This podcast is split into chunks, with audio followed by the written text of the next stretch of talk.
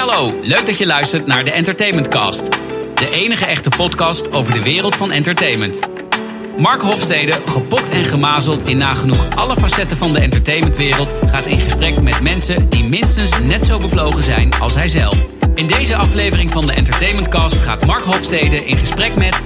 Ja, mijn gast van vandaag heeft op zoveel mooie plekken gezeten binnen de entertainmentindustrie. dat we hier oprecht kunnen praten van een ware entertainment professional. Muziekliefhebber, entertainmentdier, journalist. Ik heb het natuurlijk over niemand minder dan Frank Jansen. Welkom, Frank. Dank je, Mark. Wat een mooie woorden allemaal. Ja, We beginnen van te blozen. nou, dat moet je niet doen. Dat moet je niet doen. Ik begin eigenlijk altijd met eh, eh, het, ontleden van de cv van iemand. Want dat zegt altijd heel veel. Het liefst was ik bij iemand thuis geweest en dan eh, voor de kast staan met de cd's en kijken van oké, welke muziek vindt hij allemaal leuk. Maar jij hebt wel echt een, een cv die zo van links naar rechts gaat binnen entertainment dat ik niet nog iemand kan noemen die net als jij uitgever is geweest, platenbaas, in een platenzaak heeft gewerkt, journalist, disjockey en nu een bedrijf heeft ehm, ja, wat eigenlijk helpt tekst op de juiste manier in te zetten om, om allerlei eh, doelstellingen waar te maken. Ja, het, eh, klopt allemaal. Eh, nou, wat ik, eh, mijn, mijn, mijn, eh, eigen bedrijf nu heet Striped Elephant. En als mensen dan zeggen, eh, wat doe je dan precies? Dan zeg ik, ja, eigenlijk help ik mensen gewoon het verhaal heel goed te vertellen. Eh, Iedere organisatie, ieder bedrijf, eh, of het nou een eenmanszaak is of een groot bedrijf. Ze, hebben, ze bieden diensten aan, of ze bieden producten aan. ehm, en, en daar zit een verhaal aan vast. En dat moet je goed vertellen. En dat moet je bij de juiste mensen zien te krijgen. Daar heb je weer middelen voor nodig. Mediamiddelen. Dat kan een Facebookpagina zijn, maar dat kan ook een website zijn. Een nieuwsbrief, een magazine. Een goed verhaal eh, in een interview. Maar misschien ook wel tijdens een panel op Noorderslag of tijdens Buma NL. Ja, Ja, dat klopt. Dus eh, ja, ve- veel met woord bezig. Dat, dat is absoluut waar. Maar er is meer dan woord. Het gaat ook over beeld. En ik zeg ook wel eens, eh, of, wij officiëren ons als content marketing bedrijf. En content is niks anders dan beeld ja. En, en, en woord. Ehm, dus ja, wilde, eh, en dat koppelen aan de juiste mediamiddelen. ja. Hey, en, en kijken naar al die dingen die je gedaan hebt, dat, dat, dan is muziek, entertainment Ja. wel echt de rode draad. Dat is absoluut de rode draad, ja. Ik, ik kan niet anders zeggen. Ik, eh, ik kan niks. Ik kan geen noten lezen. Ik kan geen ritme houden. Ik kan nog geen akkoord. Nou, ik kan twee akkoorden op een gitaar.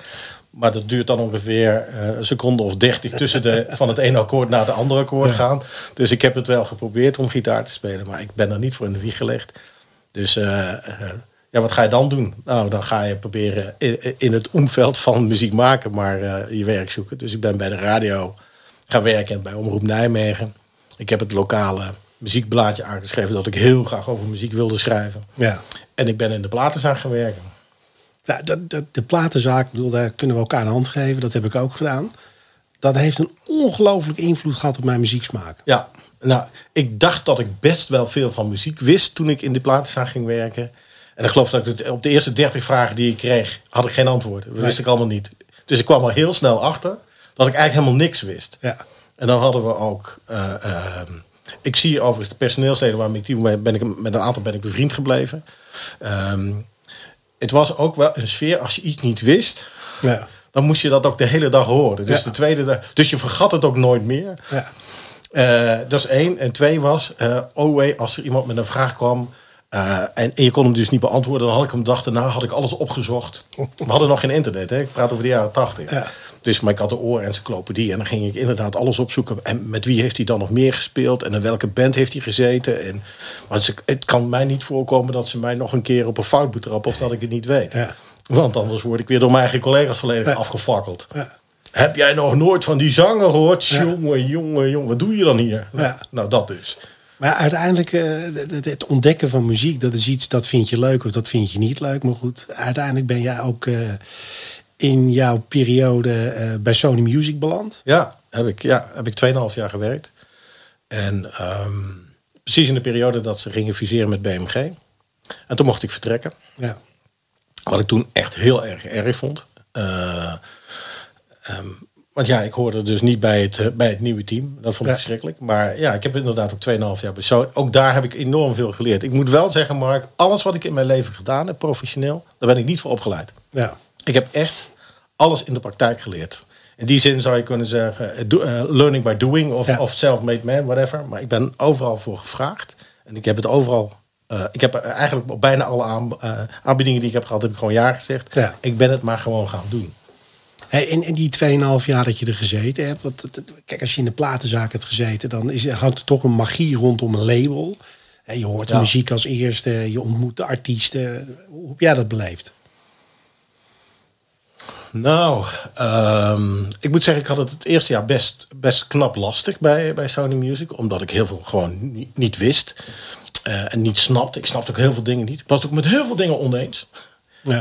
en ik liep dan vaak tegen, eh, tegen een muur van onbegrip aan. En dan was het toch, ja, maar ze doen dat al, eh, al jaren, Frank. Dus laat het, nou, laat het nou gaan. Dat is nog steeds zo. Dat is niet veranderd. En ik kan me er nog steeds boos over maken toen. Want heel eerlijk gezegd, zo eigenwijs durf ik dan wel te zijn. Ik denk met terugwerkende kracht, ik had het zo slecht nog niet gezien toen. Nee. Het- en, en als je met meerdere, met collega's van andere labels daarover sprak. eh, ik had bijvoorbeeld, Wilbert zat in die tijd bij Universal. Die werkt nu bij Spotify, zoals je weet. Eh, Ja. hadden, hadden we, we, we spraken, je komt elkaar continu tegen. Of het nou in de Melk of Paradiso, Ahoy of waar dan ook waar je tegenkomt. Of op Eurosonic. We hadden allemaal dezelfde problemen. We waren natuurlijk toch een beetje die jonge garde. En we wilden dingen veranderen. En dat was toch lastig, maar we liepen tegen dezelfde dingen aan. Een heel simpel voorbeeld. Het, het, ik ga, eh, als voor, ehm, het was natuurlijk altijd. ehm, we moesten bepaalde platen minimaal goud uitleveren. Uitleveren betekent aan de handel. Ik praat nog over die tijd, hè? Ja. Begin 2000. Maar het spel was altijd hetzelfde. Wij wilden er veel meer verkopen aan de handel dan de handel er- erom vroeg. Ja. En dat betekent dus, ja. eh, en ik gaf dan altijd maar het voorbeeld. Daarna zaten we met een Franstalige Celine Dion. Waarvan je wist, oh mijn god, hoe gaan we er hier in godsnaam 40.000 van verkopen? Maar we moesten hem al, al 40.000 uitleveren. Wat toen de tijd goud was. Nou, dat ga je dus niet lukken. Ik zei, nou, dan ging Rinus, onze, onze, onze accountmanager voor, voor, Free Record Shop, die ging dan naar Juan de Silva. En die had dan op zijn lijstje staan dat hij er minimaal 15.000 moest inladen daar. Maar dan zei Juan, die kende het spel natuurlijk ook. Ja, doe dat mij maar 2000. Ja. Nou, dan mis je er dus 13.000. Nou ja, wat gebeurt er dan? Dan ga je kortingen geven. En dan zei ik altijd, doe dat nou niet. Vraag gewoon aan Juan, hoeveel heb je er nodig? Juan, dan zegt hij 2000. Dan zeg je, prima, schrijf ik 2000. En dan zegt Juan vanzelf wel, ja maar wacht even, gaan we niet... Want die wil korting hebben. Ja. Dan zeg je, nee, we hebben toch 2000? Dan je ook geen korting te geven. Ik zeg, want het gaat er niet om wat hij inkoopt. Het gaat erom dat wij als marketing- en productafdeling... zoveel mensen zien te bewegen dat ze naar de Free Record Shop gaan om die cd te kopen. Exact. En dan bestelt Groen er vanzelf wel bij. Ja. Dat is het spel. Nou ja, daar kwam je niet doorheen, want ze moest goud uitgeleverd worden. Ja. Dat was nou eenmaal de eis van International. Hey, dat klopt. En ja, ik denk dat dat spel eh, complexer is geworden. Ik heb het iets gechargeerd om het duidelijker te maken, maar het is een beetje. Maar je hebt helemaal gelijk. Ja, en ik kan, ik, ik, dat spel, ik heb dat nooit begrepen. Toen heb ik ook een keer proberen aan mijn directeur uit te leggen. Ik zeg maar, je betaalt hem twee keer. Hè. Ik zeg maar, je krijgt er 13.000 terug. En twee, de sales manager heeft zijn target gehaald, die krijgt een extra bonus. Maar hij heeft hem helemaal niet gehaald, want die cd's komen allemaal terug. Ja. Zeg, en mijn P&L staat onder druk, want Ja. ik, ik krijg de rekening als marketingverantwoordelijke. Klopt. Dus ja, ik, ik, dat systeem, het, ik heb daar nooit aan kunnen wennen. Nou ja, we zitten nu in de digitalisering. Hè, dus dat, dat fysieke product is steeds minder relevant Ja. aan het worden. Ik denk Ja. dat het ook eh, ja, tegenwoordig met alle methodieken die er zijn om te zien eh, waar je doelgroepen zitten, hoe actief die zijn, dat dat spel echt, echt veranderd is. In ieder geval mijn ervaring. En uiteindelijk ben je eh, vanuit het, het hele platenwezen weer teruggegaan als uitgever. Ja, ik, ik, ik ben eh naar Sony ben ik eerst voor mezelf begonnen. En toen heb ik voor een aantal bedrijven gewerkt die van alles deden.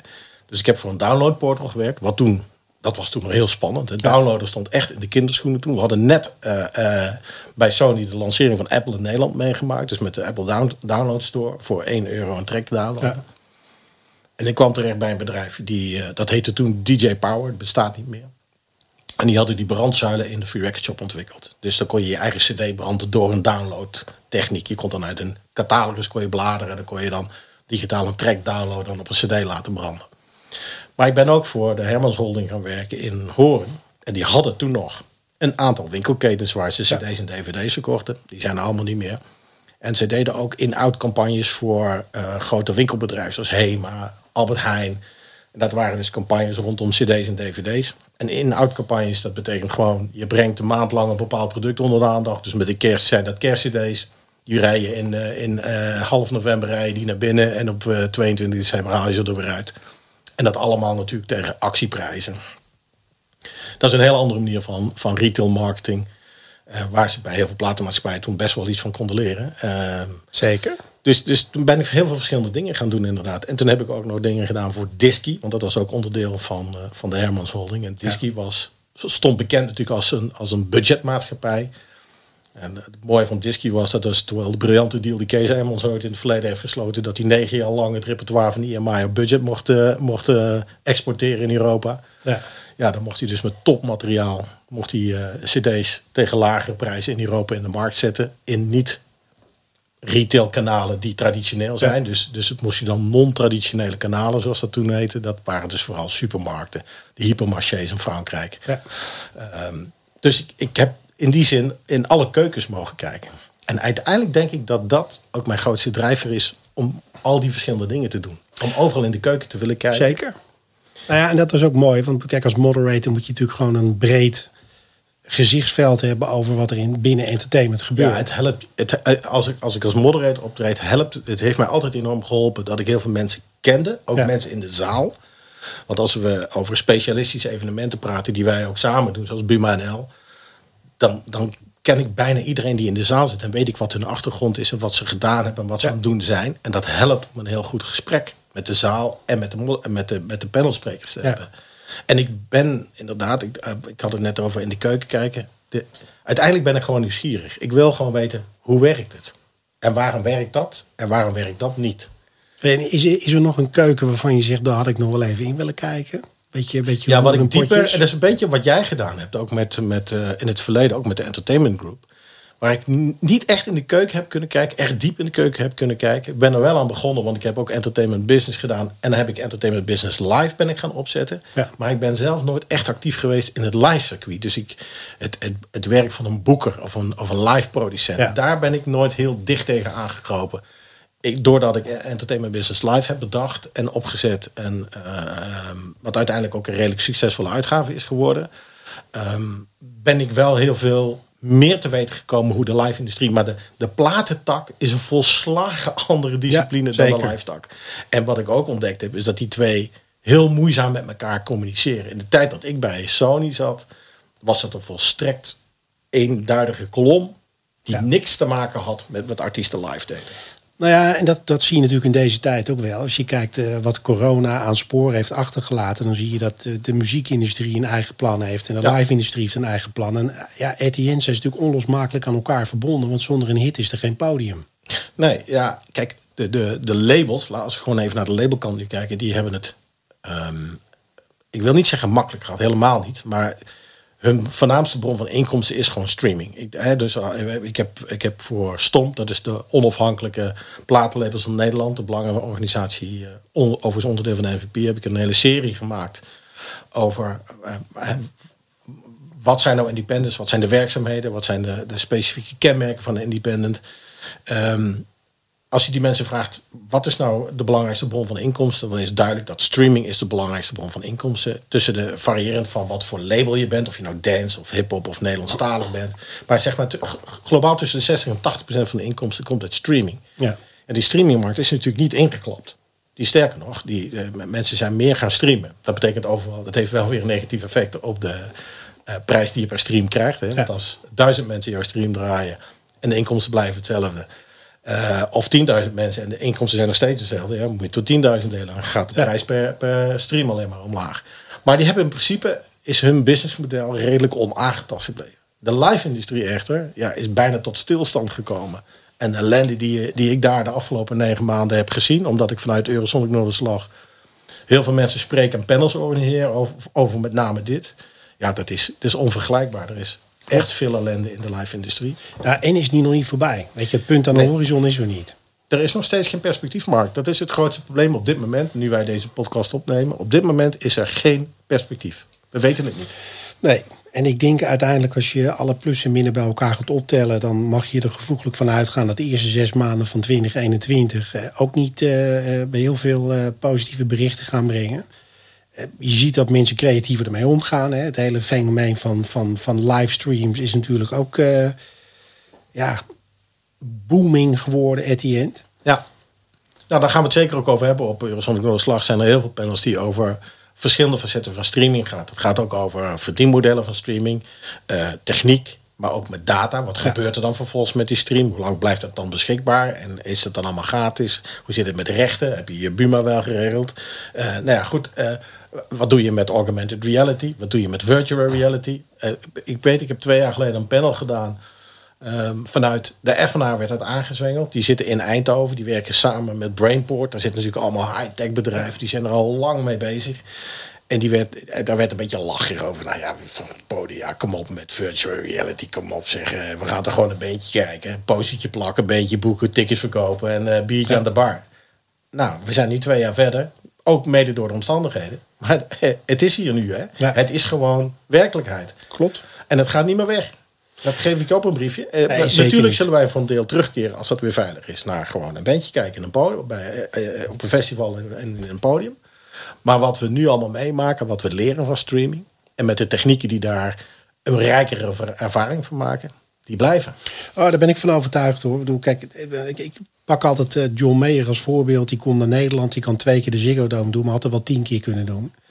Ja, ja. er staan vier camera's in de zaal hoe moeilijk is het om gewoon een online ticket aan te bieden voor de helft van de reguliere kaartprijs of een derde? Ja, wat ik wel merk, Mark, is, je hebt helemaal gelijk. Hè? En, eh, ik ben er natuurlijk de hele dag mee bezig, omdat het mijn taak is. Omdat ik verantwoordelijk ben voor de conferentie van de Eurosonic Noorderslag met twee collega's. Ik ben een van, van een team van drie.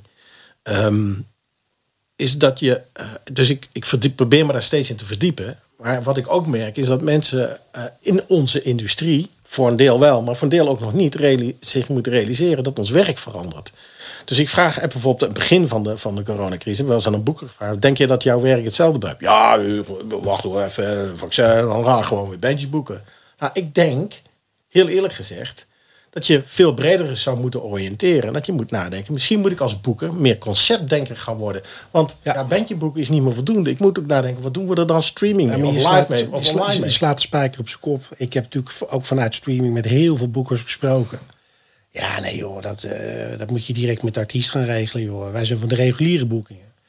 Dus die hebben ook, eh, niet allemaal overigens, maar een groot aantal zijn er niet mee bezig geweest. Daar is Jan Dirk een mooi voorbeeld van. Oké, ik kan mijn artiesten niet meer kwijt ik ga een eigen theater bouwen. Ja.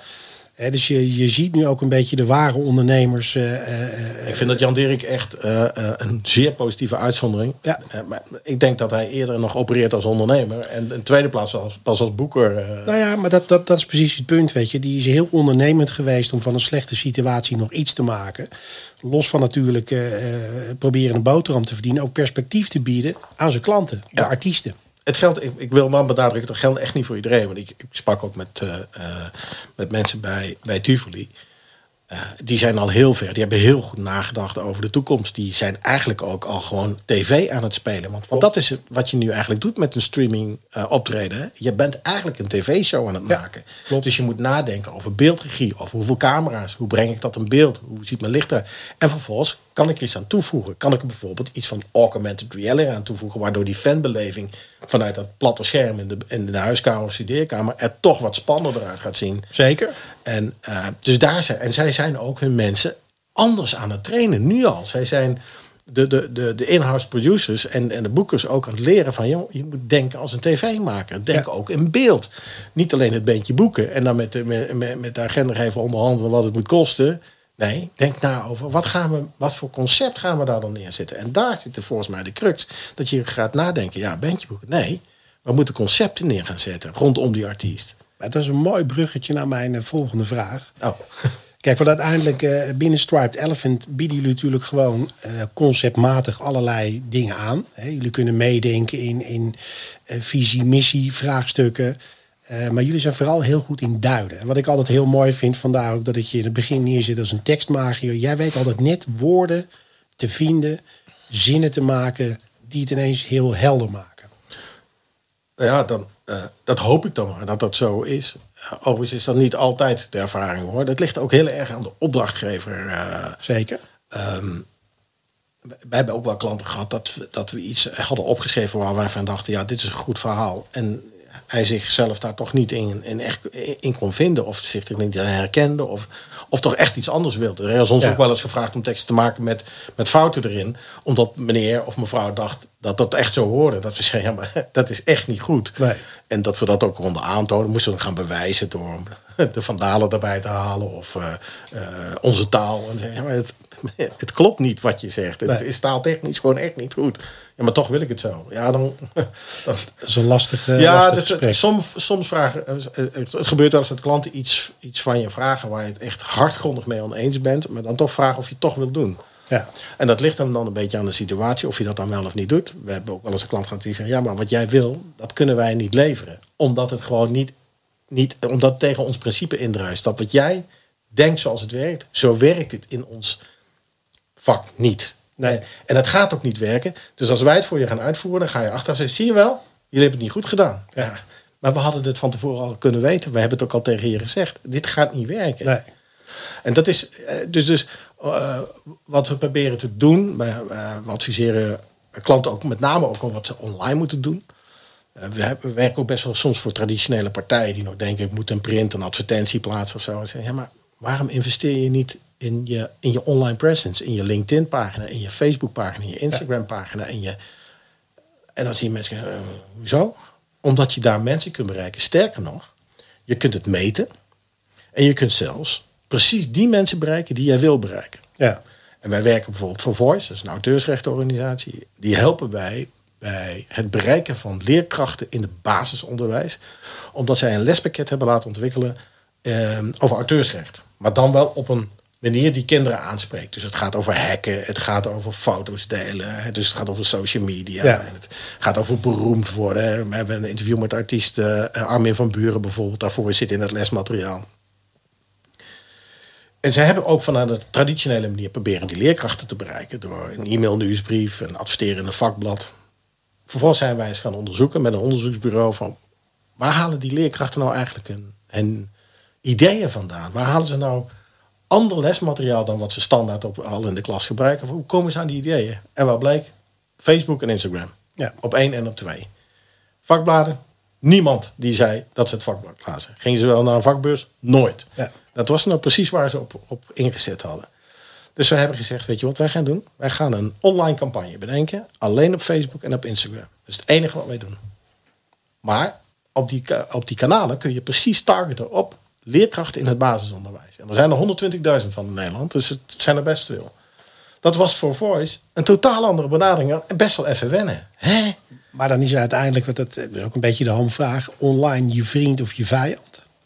Ja, dat is je vriend. Ja, het, ja, het kan ook je vijand zijn. Ja. Je kunt ook heen. Maar wij, wat we gedaan hebben, even om dat voice verhaal af te maken, is dat wij hebben gewoon een, een Instagram en een eh, Facebook kanaal voor ze ingericht. Dat heet Tips voor Juf en Meesters hebben we dat genoemd.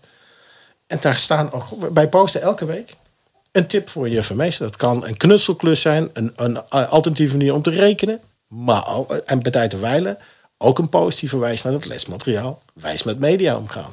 Waar je stiekem onderhuids toch een beetje geleerd krijgt... dat je niet alles zomaar van internet mag halen. Nee, dat dingen beschermd zijn. Dat niet elke foto zomaar eh, gekopieerd mag worden. Dat je muziek eigenlijk toch ook netjes moet afrekenen als je dat gebruikt. Dat je een film ook niet zomaar overal kunt downloaden of gratis bekijken. Dat is een beetje de onderliggende boodschap natuurlijk. Maar uiteindelijk heeft het natuurlijk jullie job ingewikkelder gemaakt. Hè? Waar je vroeger gewoon met je pen... Of leuker, kun je ook zeggen. Ja, nee, zeker. De, de grap is dat ik eigenlijk aan iedereen wel een digitale vraag heb. En dan zijn de meningen enorm verdeeld. Vraag je het aan een artiest? Man, ik heb Nee. er een dagtaak bij Nee, dat is, dat is zonder meer waar. Het is veel meer werk geworden. Ja. Omdat je mensen op veel meer plekken moet benaderen. En je Ja. moet, en daarom eh, is ons bedrijf eh, heet ook content marketing. Wij maken heel veel content. We moeten content maken. Ja, dat is, het is een beetje K-woord. Maar wat, ja, beeld en tekst, dat is wat je Ja. nodig hebt. Dus wat we van Voice ook gedaan hebben. En we hebben allemaal eh, filmpjes gemaakt met kinderen in groep 7 en 8, want daar is het lesmateriaal voor. En dan hebben we eigenlijk een soort beetje het principe van, eh, van achterwerk in de kast. Of, eh, of, of Jochem van Gelder, die vroeger zo'n praatjesmakersprogramma. Een beetje dat idee. We zijn gewoon Ja. met kinderen gaan praten. En we hebben ze allemaal vragen gesteld. En en ze gewoon laten reageren. Maar er zit bijvoorbeeld vraag bij, weet je wat ransomware is? En zit die kind, de, je krijgt de meest fantastische antwoorden. Ja. Iemand dacht dat het iets met mode te maken had. Ja, je wear, die, een beetje Engelse taal. Ja, ransom. Dat je, dat je elke dag wat anders aan doet. Ja. Is, maar ja, dat kun je prima gebruiken voor je campagne. Dat is fantastisch. Want je weet ook, op die social media moet je weer... eh, Hoe, hoe kijken mensen? Nou ja, het is de duim. Hè? Je legt per dag met je duim op je telefoon ongeveer een Eiffeltoren af. Voor 300 meter. En het, is, het moet instant eh, gratification moeten zijn. Dus er moet, het beeld moet meteen tot de verbeelding spreken. Er moet meteen iets gebeuren wat leuk is. Anders hup, eh, scroll je weer verder. Dus En, en, en ver- verdelen jullie dat onder? Binnen Striped Elephant? Hebben Ja. jullie disciplines ingericht per persoon? Nou, eh, ja.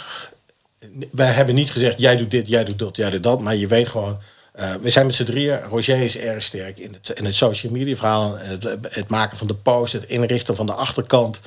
Die, eh, die, die schuift aan de knoppen. Die, die, die kijkt, oké, hoe kunnen we nou het bereik nog iets eh, verbeteren? Moet ik op een andere dag toch gaan proberen? Is zaterdagmiddag wel de beste dag? Moet ik niet op vrijdagmiddag testen? Ja. Maar dat zijn allemaal dingen die je meeneemt. Hè. En is, ja, ik heb nu een tijd lang deze doelgroep gebruikt. Ik zie dat er een beetje een soort verzadiging optreedt. Hoe kunnen we die doelgroep eh, beter gaan bereiken? Of kan ik hem op een organische manier wat uitbreiden? Kan ik er wat bijvoegen? Je kunt ook gewoon advies vragen aan Facebook aan de achterkant. Hè, van hoe, Ja. moet ik mijn campagne, hoe moet ik mijn campagne inzetten? En wat we bijvoorbeeld geleerd hebben, is dat door de jaren heen, is dat bijvoorbeeld dat we met advertenties meer mensen kunnen bereiken dan met een post, met een organische post. Ook al support je hem met wat geld. Ehm, nou ja, dat is iets wat, wat heel erg bij Roger ligt. Maar we zijn, Roger en ik zijn alle twee ook wel tekstschrijvers. Roger heeft ook jarenlang eh, bladen gemaakt. Die heeft eh, voor grote winkels gewerkt, voor grote winkelketens gewerkt, alle communicatie gemaakt. Dus ook communicatie voor consumenten. Ehm, ik heb vooral ook veel B2B gedaan, eh, business to business, vooral in onze geliefde entertainment en Ja, muziekindustrie.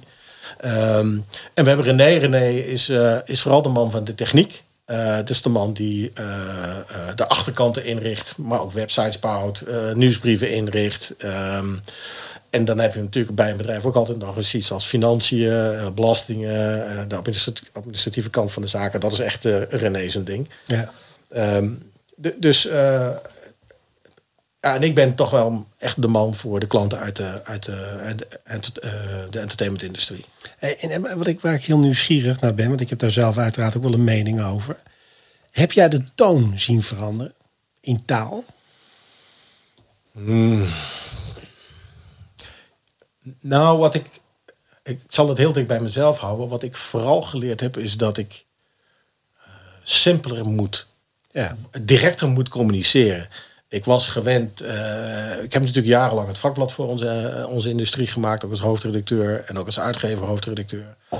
Ehm, ik heb altijd wel de neiging gehad om een beetje eh, mooie taal te maken en dan lange zinnen, omdat ik dacht dat dat dan tot de verbeelding sprak. Ja. Omdat je ook een beetje, ja, weet je, dan noem ik het maar een beetje krachtpatserij, laat, laten zien dat je, dat je echt wel een moppie kunt schrijven. En wat ik tot ontdekking ben gekomen, eh, dat heb ik ook wel geleerd van mijn collega's, ook bij Buma Stemra, waar ik eh, vier jaar lang eh, als hoofdcommunicatie heb gewerkt. Je moet het stupid en simpel houden, anders begrijpen mensen het Nee, gewoon niet. klopt. En, en dat heb ik. eh, dus de toon is veranderd in de zin van dat ik steeds simpeler ben gaan Kort en schrijven. bondig. Ja, kort. En dat ik, ik corrigeer mezelf ook heel vaak. Ik denk, ja, waarom moet dat nou weer een zin over drie regels? Joh, Ja. hak dat nou. Haal die, haal die moeilijke woorden eruit. Woorden met, met 16 lettergrepen. Simpeler. En dat, en dat is gewoon echt beter, merk ik nu. Nou ja, ik denk dat social media natuurlijk een enorme invloed op heeft Ja, gehad. Daar kun je moeilijk een lap tekst kwijt. Het moet in drie woorden gezegd zijn. Dus ja, in die zin, eh, of dat de toon. Ik denk dat de toon op zich nog misschien wel hetzelfde is. Ehm, het is wel wat directer geworden. Hè? Minder u en meer jij. Dus, Ja. hè, ehm, dat heeft ook wel iets met toon te maken natuurlijk. Hè? We adviseren eh, de meeste bedrijven van... ah, ik denk dat je je klant niet langer meer met u moet aanspreken. Nee. Je moet de klant echt met je aanspreken, maar doe dat dan ook consequent. En dan niet na de derde zin weer toch weer vervallen in u. Nee, je, hebben Ja. gezegd je. Eh, dat was bij Buma Stemra trouwens ook. Hè. Toen ik daar begon, was het, alles was u. En dus inmiddels eh, heb ik gezien in de communicatie is dat je geworden. Dus in die zin, ja, maar dat heeft ook gewoon te maken met het feit dat je mensen wat directer wil aanspreken. Ehm, en dat je ook minder tijd hebt. Mensen hebben gewoon minder tijd. Dus ze lezen ook minder. Dus het moet ook binnen, het moet sneller verteld zijn. Ja, en mensen zijn ongeduldig. Ja, nou ja, ik durf er nog wel aan toe te voegen dat mensen ook heel slecht lezen. Nee, zeker. Weet je, kijk, je hebt natuurlijk bij Buma Stemra gewoon eh, een periode meegemaakt dat, uh, dat Buma Stemra aardig onder vuur lag. Dan zie je Ja. de verharding op social media. Het is heel makkelijk om een molotov cocktail op social media naar binnen te gooien. ja.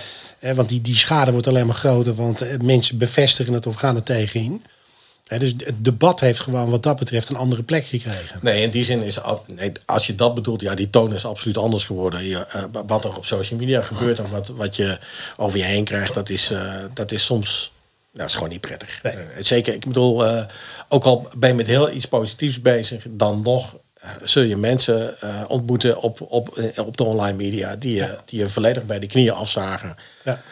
Om, ja, waarom? Ik heb geen idee. Ehm, waarom mensen. Ik, ik zeg, zijn mensen toch boos? dat merk ik wel eens op. Nou ja, maar dat- Waar- dat- komt ook dit zo, vandaan, joh? Wat ik heel grappig vind, eh, een, een, een voorbeeldje wat ik zelf aan de lijf heb meegemaakt. Eh, Wij zetten de reunietour van de Dolly Dots op. Dan is het ineens van, oh, die oude mutsen moeten meer zo nodig. Ja, En ja. op het moment dat de Rolling Stones, die toch gewoon 14 jaar ouder zijn, oh, te gek, hè, ze doen het weer. Dus Maar- je ziet dat het heel, heel. Bij, vrouwen is die communicatie echt een dingetje hoor. Ja. Nee, en, ja, wat dat betreft, eh, je, je, je memoreert het al. Ik zat in een periode dat het nogal rumoerig was bij Buma. Nou ja, overigens, eh, eh, in die tijd, want mijn telefoonnummer stond ook op de website. Ik ben ook best vaak gebeld door boze leden. En ja, ik ben, ik ben heus wel eens eh, behoorlijk uitgescholden, ja. Ja. Dus d- dat is iets wat ik eh, op dat moment nog nooit had meegemaakt. Dat ik in het kader van mijn werk door iemand werd opgebeld die zei: Je bent een vuile bandiet. Nou ja, weet je, daarom is dat hele kopje tekst zo mooi. Daarom vond ik het ook leuk om, om met jou te zitten. Omdat, ja, hoe je het went of keert, hebben ze natuurlijk uit een redelijk platte eh, periode gekomen. Dat alles tekst was, daar is beeld Ja. bij gekomen. Zeker. Daar zijn de socials bij gekomen. Dus communiceren ja, is echt een moppie complexer geworden. Dat, dat, dat merk ik met artiesten, dat merk ik met bedrijven die ik af en toe mag, mag helpen. Dat moet natuurlijk gewoon echt impact hebben op, op jouw dagdagelijkse manier van werken. Ja, en eh jazeker, dat klopt. En, maar, en, en soms heeft het ook gewoon met gevoel te maken. Hè. Dat is bijna net zoals met muziek. Waarom vind je schrijver X wel goed en schrijver Y niet, terwijl die toch meer boeken verkoopt dan schrijver X? Ja. En dus er zijn er dus toch meer mensen die van schrijver Y houden, terwijl jij er niks aan vindt. Net als ook met muziek. Ik heb doorgaans, vind ik muziek leuk die het eh, niet per se heel goed doet als het gaat om geld. Eh, ehm, Hoewel ik voor, bij Sony juist weer verantwoordelijk was voor de artiesten die het meeste verdienden. De echte grote artiesten. De Celine Dion's, de Beyoncé, eh, Shakira. Eh, wat ik overigens echt eervol vond om voor die artiesten te mogen werken. Dat meen ik oprecht. Eh, want uiteindelijk eh, heb ik eigenlijk voor ieder artiest, ongeacht welke muziek hij of zij maakt, ontzettend veel waardering. Want ze kunnen iets wat Ja. ik helemaal niet kan. Klopt. En, eh, en ik heb ook altijd gezegd, ga er maar staan op dat podium voor een volle zaal. Doe het maar. Er is Ja, niks zo nerve-wracking als dat nou. Nee, zeker. Weet je, ik bedoel, ik heb, de, de grap is, ik heb, eh, dat is mooi, want we hebben allebei redelijk hetzelfde rondje gelopen. In deze tijd moet je kleur kiezen voor één genre. Hè, Er is weinig ruimte om meerdere genres leuk te vinden. Wij komen uit een periode, je kon eh, Frank Boeien bij wijze van spreken op je roster hebben. En aan de andere kant Lim Biscuit. Dat ligt natuurlijk mijlenver uit elkaar. Ja.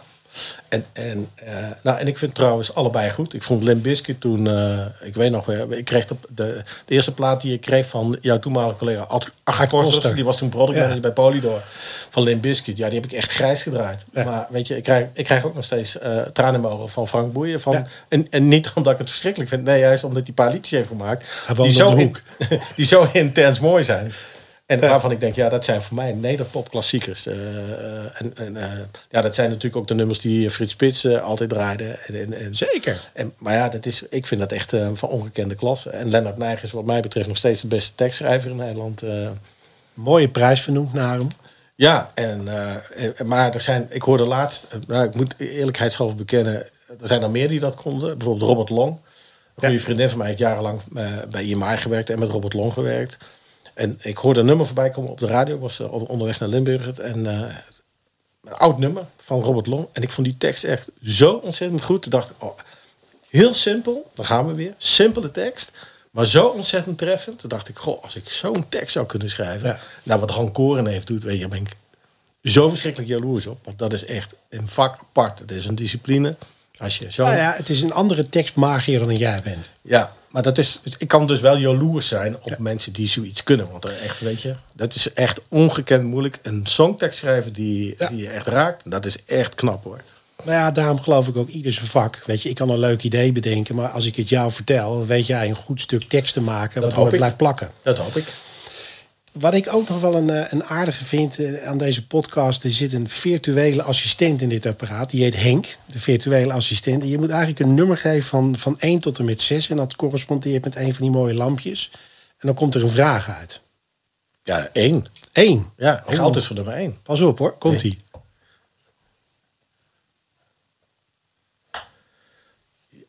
Die vraag kan ik onmogelijk beantwoorden, behalve dan dat ik zeg... Wat mijn ambitie is, dat ik eh, mijn werkzame leven dingen wil doen die, eh, die niet alleen mij plezier geven, maar... Kijk, want ik werk uiteindelijk voor klanten.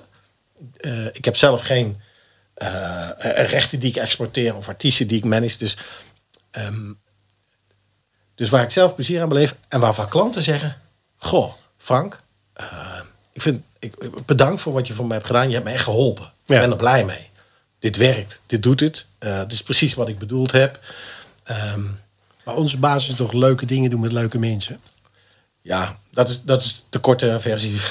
Nee, maar goed, weet je, ik, bedoel, ik, heb, Ja. ik heb natuurlijk een hele bewuste keuze gemaakt om, om een andere afslag te pakken. Om weer te kunnen voldoen aan dat feit. ja. En dat je zelf keuzes kan maken. Misschien is mijn grootste probleem wel dat ik heb nooit een ambitie gehad. Alles wat ik in mijn leven gedaan heb, is per op mijn pad gekomen. Ik heb gestudeerd. eh, toen was ik eh, docent. Ik mag Engels en Duits geven. Over, het- eh, ik heb dat al 30 jaar niet gedaan. Dus die talen zijn best wel wat roestig geworden.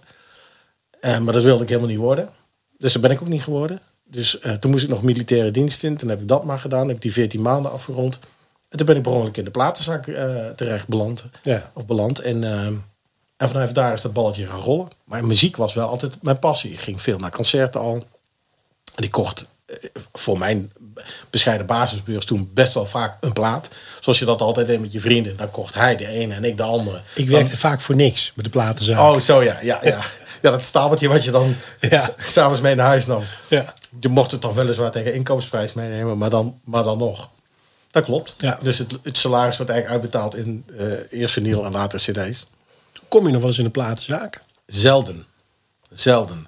En dat is niet helemaal eerlijk natuurlijk, omdat doodsimpele reden dat ik zoveel relaties in de, en een netwerk in de muziekindustrie heb, dat ik dat niet hoef. Maar Ja. ik koop nog heel veel platen. Maar mijn beste vriend in, eh, in Amersfoort is eh, een van de directeuren bij Bertus. En eh, daar koop ik dan af en toe mijn platen. Ja. Of ik krijg wel eens wat van John. Ik vind dat nog steeds heerlijk. ja.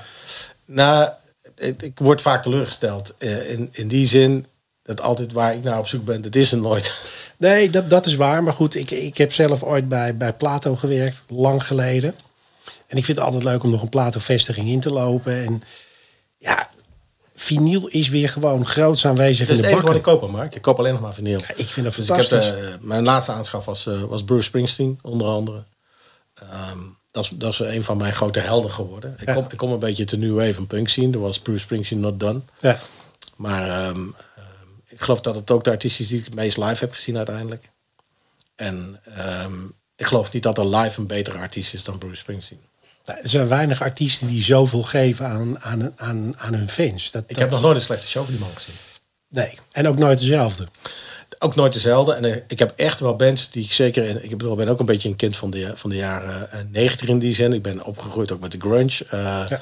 dus, dus de bands van, van de Red Hot Chili Peppers tot eh, Pearl Jam, Soundgarden. Noem ze allemaal maar op. Die ik allemaal meerdere keren live heb gezien. Maar ook heel vaak van tegenval. De allereerste keer dat ik de Red Hot Chili Peppers live zag Oh, ja. Het was echt zo slecht. Ja. Oh, ze hadden ook ruzie op het podium. De gitarist zat al, was al zo ver eh, met zijn heroïneverslaving dat hij... dat, dat ze gewoon nummers door elkaar speelden. Het was Ja. gewoon echt... Ik heb de Pumpkins, wat ik echt op platen fantastische band vond, de Smashing Pumpkins. Die heb ik live gezien, dat vond ik zo slecht. Het was Ja. gewoon echt niet goed, vals gezongen. Ehm, eh, niet, al, niet, niet alles, hè, maar ik heb Bruce Springsteen echt nooit slecht gezien. Nee, nooit. Ik ook niet. Ik heb hem denk ik twee of eh, drie keer live gezien. Altijd gewoon met een gevoel erdoor het van wauw, jij geeft echt je fans waar voor hun geld. Ja, en ik, eh, ik hoorde, ik luister ook regelmatig naar de podcast van Atse en, eh, en Niels Ja. bij 3 voor 12, de machine. En ik geloof dat uh, Niels wat ook riep, die zei, die ook een heel geschiedenis in de muziekindustrie heeft. Maar die shows die moeten hooguit 40, 50 minuten duren, daar ben ik al wel klaar mee. En daar ben ik eigenlijk heel erg met hem eens. Ja, klopt. Op één uitzondering, die deel ik dan met hem. Bruce Springsteen kan drie uur spelen. Het, het, het, het, het broeit me van begin tot eind. En, hoe, er is echt de enige artiest bij, die, dat lukt. Ik heb ook heel vaak, ja, ik, ben, ik geloof het wel. Ik heb het gezien. Nee, maar ik, ik ben het met je eens hoor. Dat, uh, de spannings, maar dat komt misschien ook dat we verwend zijn. Veel gezien. Dat is wel absoluut waar, maar wij zijn natuurlijk, wij zijn overvoerd. Wij zijn natuurlijk door ons werk. Wij moesten natuurlijk, eh, toen jou bij, nog bij een label werkte, wij moesten natuurlijk vaak vier, vijf keer in de week stonden in Amsterdam of in de Paradiso. Verplichte rondjes. En, en, we moesten bij de artiest mee. Dus we hebben zo verschrikkelijk veel live moeten zien. Ook, eh, ook voor artiesten waarvan je ook die je muzikaal minder tot de verbeelding spreekt. Klopt. Dus dat je, ja, ik heb het ook wel eens gehad, ook hè, met de Edison meegedacht in het verleden. En ik hoorde daar altijd heel vaak, ja, weet je, we wilden, dus, we willen een beetje de sfeer van het boekenbal hebben. Ja. Zeg ja, maar jongens, dit zijn schrijvers die zitten 364 dagen per jaar op een kamer. En ja. hebben één, één keer in het jaar hebben die een feestje. En dan gaan ze los. Maar wij hebben zeven dagen in de week een feestje. Ja, En dan gaan we bij de ja. gaan we, gaan we precies hetzelfde feestje doen wat we al zeven dagen in de week hebben. Ja. En dan gaan we maar dan zijn we allemaal met elkaar. En dan vinden we raar dat we met elkaar gaan gaan kletsen. In plaats van dat we naar de artiest luisteren. Die we al de hele week aan de telefoon hebben. Klopt. Ja. Stil krijg je het niet. Dat krijg je dus niet. Nee, maar dan moet je die verwachtingen ook niet willen koesteren. Dat kan ook niet. Je kunt niet hetzelfde feestje organiseren. als wat je elke dag al voor je werk moet doen. Met de mensen met wie je elke dag samenwerkt. En dat zegt niks over de kwaliteit van die artiesten. Want uh, uh, die mensen die die Edison krijgen, die verdienen dat. Nee, maar eens. eens. Alleen je moet van de industrie professionals niet verwachten dat ze daar hetzelfde gevoel bij hebben als de schrijvers op een nee, boekenbal. Klopt, klopt. Hey, hoe, eh, hoe, groot is de impact geweest van corona dit jaar op de Stripe Event? Nou, in het begin kneep ik hem als een oude dief, om maar zo te zeggen. Omdat uh, we hebben ook een klant uit de zorg. En die zette in, uh, in, in het begin eigenlijk alles op, op hold. Die zei, ja joh, we weten niet wat op ons af gaat komen. Dus wij zetten even alle opdrachten on hold. We waren net bezig om een nieuwe web, website voor ze ontwikkelen. Zij leveren communicatiediensten aan de zorg, maar allemaal streng beveiligd vanwege natuurlijk de privacy, maar ook uh, het gaat over medische dossiers van mensen. Dus dat, is, dat gaat om de hoogste en de strengste eisen die aan die uh, verbindingen en, en, communicatie zijn uh, gekoppeld. Um, toen dacht ik, ja, als die wegvalt, maar, en de evenementen gaan ook niet door. Eurozone gaat misschien niet door, Bumanel gaat niet door. Jezus, dan, ja, dan, dan wordt Schaal Hans keukenmeester. Dan is er, blijft er niet veel over. Nee. Toen hebben we wel gedacht, nou, dan gaan we ook maar eens meteen onderzoeken hoe je een faillissement aanvraagt. Want dat heb ik nog nooit in mijn leven meegemaakt, gelukkig. Gaan we dat ook maar eens uitzoeken hoe we dat doen. En toen waren we een maand verder en toen kwam die zorgpartij die, kwam, die zei, ja, we hebben eigenlijk meer communicatie nodig dan we dachten. Want uh, nood is aan de man. Ja. We moeten gaan vertellen en uitleggen wat wij eigenlijk precies doen en hoe we die zorg kunnen helpen. Dus toen begon dat balletje stiekem te rollen.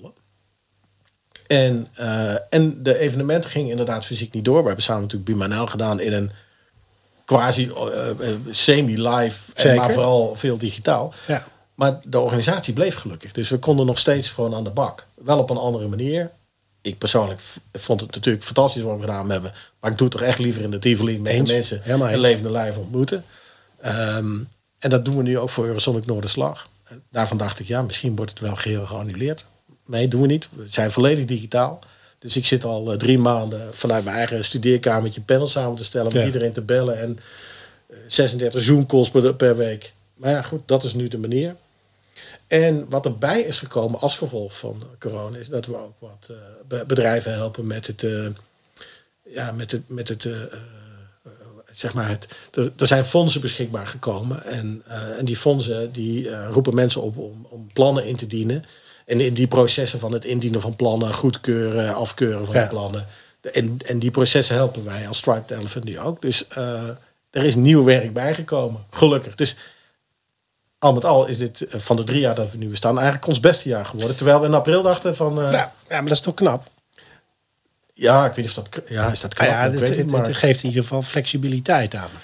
Zeker, maar ik vind het toch echt wel verschrikkelijk dat we, dat we niet straks in Groningen kunnen zijn. Dat we, dat we Buma niet in Tivoli uh, Utrecht konden zijn. En, uh, en hetzelfde geldt ook voor In Jazz, waar ik uh, soms dingen voor doe. Of Buma Music Emotion, waar ik soms dingen voor doe. Dat is allemaal digitaal doorgegaan. Maar, ik, ja, maar, maar, Groningen zonder de benzinebar? Ja, weet je dat ik dat nog ooit oud en nieuw gevierd heb? Heel lang geleden. ik had een uh, studievriend die woonde in Groningen. Die zei, daar heb ik één jaar heb ik daar uh, oud en nieuw gevierd. En die zei, ja, we gaan naar een legendarische tent. Het is de benzinebar. Daar komen vooral rockers, punkers en, en motorbandes. Oké. Okay. Klinkt als een goed recept voor oud Is er ook drank? nou ja, drank was er echt een overvloed. Nee, maar ja, dat is, ja de, de benzinebar. Ja, ik kan zeggen dat ik er ooit oud en nieuw Precies. Ja. Als, als alles dicht was, dan hadden we altijd nog de benzinebar. Heerlijk. Ja, nou, en, de, en de Canarie natuurlijk. De Canarie. Hey, de, een, een, afrondende vraag. Um, wat zou je je collega's mee willen geven voor 2021? Bedoel je dan mijn twee collega's of gewoon mensen nee, in het veld? Gewoon waar... de, de, onze collega's in het entertainmentvak. Oeh, wat ik mee zou willen geven. Ja,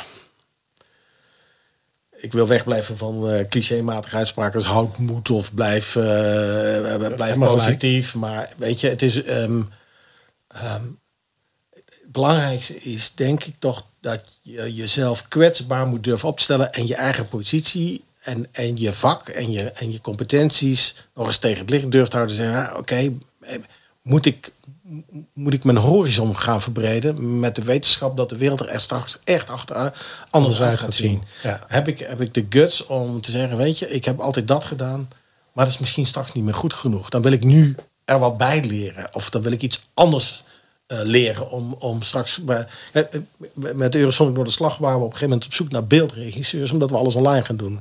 En je wil dat spannend maken. Dus we gaan straks al die sprekers op een apart kanaal binnenhalen. Zodat je echt beeldregie kunt doen, net zoals bij televisie. Nou, we waren nog net op tijd, want al die mensen. Zitten allemaal vol. Die zitten allemaal vol. Er zit een jongen bij, die zit al tot volgend jaar november volgeboekt. Ja, klopt. Nou ja, dan denk ik, weet je, oké, dus er zijn dus ook mogelijkheden om je uh, horizon te verbreden. Jongen, ik ben ook uh, bestuurslid bij Fluor, het lokale poppodium. Uh, de programmeurs zijn nu ook beeldregiecursussen aan het volgen. En dat vinden ze hartstikke leuk. Ja. Dus die kunnen straks ook gewoon met camera's werken en met mengtafels. Dus dan zou ik willen meegeven, probeer voor zover je dat nog kunt opbrengen, probeer je horizon te verbreden. Dat is denk ik het belangrijkste in ons vakgebied. Hè? En blijf niet stilzitten. Nee, je moet ja, stilzitten en zeggen, nou, ik wacht wel tot het over is. Dat is denk ik de slechtst, de slechtste, uh, het slechtste advies dat je kunt krijgen. Wacht maar tot het over is. Nou, dat lijkt mij een mooie, mooie slotconclusie. Hey, onwijs dank. Ontzettend graag gedaan. En we gaan het gewoon een keertje overdoen. Ja, altijd. Je luisterde naar de Entertainmentcast.